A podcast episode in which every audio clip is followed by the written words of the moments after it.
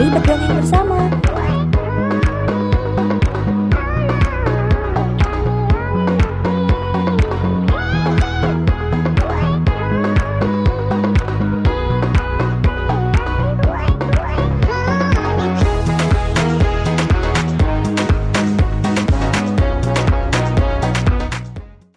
Bubur sumsum dikunyah-kunyah. Assalamualaikum semuanya. Jalan-jalan ke Balikpapan, pulangnya bawa ikan nila. Hai teman-teman, perkenalkan aku Putri Mega. Aku adalah seorang mahasiswa semester 5 Sekolah Vokasi Institut Pertanian Bogor. Buat yang udah kenal aku di real life, hai kita ketemu lagi. Dan buat yang belum kenal aku, halo, salam kenal ya semuanya. Halo pendengar setia Asumsi Bersuara Radio Sekarang aku bisa nemenin kalian kapan pun dan di mana pun nih Sebelumnya kalian kan pasti dengerin kita cuma di jam-jam tertentu aja kan Nah sekarang don't worry Karena udah ada Asumsi Bersua Podcast Di mana kalian bisa banget nih dengerin podcast kita Di jam berapapun dan di mana pun Dan apa pun kegiatan yang lagi kalian lakuin pada saat ini di podcast ini, aku bakal nemenin kalian selama 10 menit ke depan. Tentunya dalam asumsi bersua. Mari berdongeng bersama. Nah, di podcast kali ini aku bakalan dongengin suatu kisah cinta yang menurut aku menarik banget nih. Kisah cinta ini merupakan awal mula dari terbentuknya Candi Prambanan yang ada di Yogyakarta. Kalian penasaran gak sih? Penasaran dong ya? Yakin nih gak penasaran? Pasti penasaran kan? Oke sedulur semua, nyambi akun dongeng kalian bisa nih sambil ngemil atau makan atau minum Dan enjoy kisahnya ya sedulur semua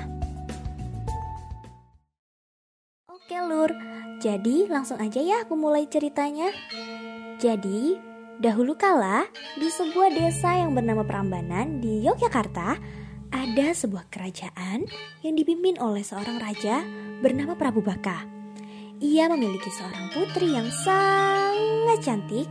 Putrinya bernama Roro Jonggrang. Namun, pada suatu hari terjadi peperangan antara kerajaan di desa Prambanan dengan kerajaan Pengging. Prambanan berhasil dikalahkan oleh kerajaan Pengging yang dipimpin oleh Bandung Bondowoso. Dan akhirnya Prabu Baka tewas di medan peperangan. Ia terbunuh oleh Bandung Bondowoso yang sangat sakti dan tidak dapat dikalahkan. Setelah kemenangannya itu, ia pun Bandung Bondowoso kemudian menempati istana Prambanan. Dan pada suatu hari, Bandung Bondowoso melihat putri dari Prabu Baka yang sangat cantik jelita, yaitu Roro Jonggrang. Seketika timbul rasa atau keinginan dari Bandung Bondowoso untuk menikahi Roro Jonggrang agar ia bisa menjadi istrinya. Nah, Lur, namun ternyata Roro Jonggrang sudah tahu bahwa Bandung Bondowoso adalah orang yang telah membunuh ayah, ayahnya dalam peperangan waktu itu.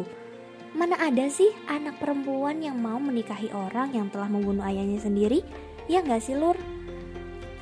Dia yang membunuh ayahku, aku tidak akan sudi menikahinya, kata Roro Jonggrang dalam benaknya. Karena itu, ia mencari akal dan cara untuk menolak lamaran dari Bandung Bondowoso. Dia terus memikirkan syarat yang sulit dan mustahil untuk dilakukan agar Bandung, Bandung Bondowoso tidak dapat menyanggupinya. Lalu akhirnya Roro Jonggrang menemukan suatu cara. Ia mengajukan sebuah syarat agar Bandung Bondowoso membuatkan seribu buah candi dan dua buah sumur yang sangat dalam dan semuanya harus selesai dalam waktu semalam saja. Jika Bandung Bondowoso bisa menyanggupi persyaratan itu, maka Roro Jonggrang akan mau dinikahi olehnya. Aku mau menjadi istrimu kalau aku bisa mendapatkan seribu candi dan dua buah sumur yang dalam dan semua itu harus diselesaikan olehmu dalam semalam. Kalau kau tidak bisa melakukannya, aku tidak akan mau menjadi istrimu, kata Roro Jonggrang kepada Bandung Bondowoso. Bandung Bondowoso pun awalnya terkejut, namun karena keinginannya yang sangat kuat untuk menikahi Roro Jonggrang, akhirnya Bandung Bondowoso menyanggupi persyaratan yang diberikan oleh Roro Jonggrang. Bandung Bondowoso pun memutar otak bagaimana caranya agar ia bisa menyanggupi permintaan Roro Jonggrang tersebut. Dan akhirnya ia meminta pertolongan kepada ayahnya dengan mengerahkan bala tentara yang berupa roh-roh untuk membantunya membangun seribu candi dalam semalam. Pada hari yang telah ditentukan, Bandung Bondowoso mulai membangun seribu candi yang Roro Jonggrang inginkan. Tentu bersama dengan roh-roh yang yang membantunya. Roro Jonggrang terkejut karena Bandung Bondowoso dapat mengerjakannya dalam waktu yang sangat singkat. Sampai akhirnya pada sekitar pukul 4 pagi atau sebelum subuh, hanya tersisa lima buah candi yang belum selesai dan dua buah sumur yang hampir selesai karena kedalamannya masih kurang ya kan.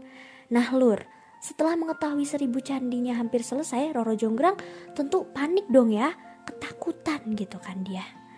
Dia pun berkata, apa yang harus aku lakukan untuk menghentikannya? Aku tidak mau menikah dengan dia. Dia telah membunuh ayahku sendiri. Kan?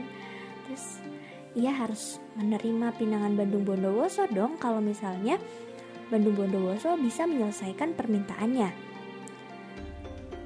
Tapi kan Bandung Bondowoso telah membunuh orang tuanya gitu kan. Jadi Roro Jonggrang tetap berusaha bagaimana caranya untuk menolak Bandung Bondowoso. Akhirnya ya lur, nih akhirnya Roro Jonggrang pun memikirkan sebuah ide dan dia akhirnya membangunkan gadis-gadis di desa Prambanan. Roro Jonggrang memerintahkan mereka untuk menghidupkan obor-obor dan membakar jerami, lalu memukul alu pada lesung dan juga menaburkan bunga-bunga yang harum. Hal-hal tersebut membuat suasana saat itu menjadi terang dan riuh. Semburat merah dan memancar di langit di langit seketika ayam jantan pun berkokok bersahut-sahutan. Mendengar suara ayam berkokok, para roh halus pun segera meninggalkan pekerjaan mereka, yaitu saat sedang membangun candi tersebut ya kan. Karena mereka menyangkanya hari telah pagi dan matahari kan akan segera terbit. Yang seperti kita tahu, roh kan takut ya sama matahari, jadi mereka buru-buru pergi nih. Nah, pada saat itu ya, hanya tersisa sebuah candi yang belum berhasil dibuat oleh Bandung Bondowoso dan para bala tentaranya. Apa sih yang kalian rasa kalau misalnya rencana kalian digagalin, apalagi kayak detik-detik terakhir gitu kan, kurang dikit banget gitu kan, pasti marah kan lur. Nah, begitu pula apa yang dirasakan oleh Bandung Bondowoso pada saat itu. Bandung Bondowoso sangat terkejut dan marah. Ia menyadari bahwa usahanya telah gagal Terlebih lagi, ia pun tahu bahwa yang menggagalkan adalah Roro Jonggrang itu sendiri. Dalam amarahnya, Bandung Bondowoso pun akhirnya mengutuk Roro Jonggrang menjadi sebuah arca batu untuk melengkapi candi yang belum selesai ia buat. Roro Jonggrang berhasil menggagalkan usaha Bandung Bondowoso untuk menikahinya. Namun, ia justru berubah menjadi arca karena amarah yang dimiliki oleh Bandung Bondowoso. Hingga kini, candi tersebut dinamakan dengan Candi Roro Jonggrang. Sementara itu, candi-candi di sekitarnya disebut dengan Candi Sewu yang artinya Candi Seribu. Meskipun jumlahnya belum mencapai seribu. Dan akhirnya tamatlah cerita mereka. Nah, akhirnya kelar juga toh acara dongengku. Cepet banget yo. Jadi lur, tapi sebelumnya ya, Dongeng yang baru aja aku ceritakan tadi ada pesan moralnya loh. Cerita rakyat Roro Jonggrang atau dongeng Candi Prambanan ini mengandung pesan bahwa kita tidak boleh memaksakan kehendak kita kepada orang lain. Kita harus menghormati apa yang menjadi keinginan orang lain. Karena ya kita pun tidak akan suka kan jika dipaksa untuk menuruti keinginan orang lain yang tidak sesuai dengan keinginan kita kasihkan bercerita gini, aku sampai kaget loh saat melihat waktu. Ternyata waktu kita udah habis nih di dongeng pertama ini. It's tapi jangan khawatir lur, kita bakalan ketemu lagi di episode podcast yang selanjutnya yang pastinya dengan topik yang gak kalah seru dari episode kali ini. So, asumsi bersua pamit undur diri ya. Jangan lupa untuk tetap mendengarkan asumsi bersua Mari berdongeng bersamaku di next episode. See you in the next time. Bye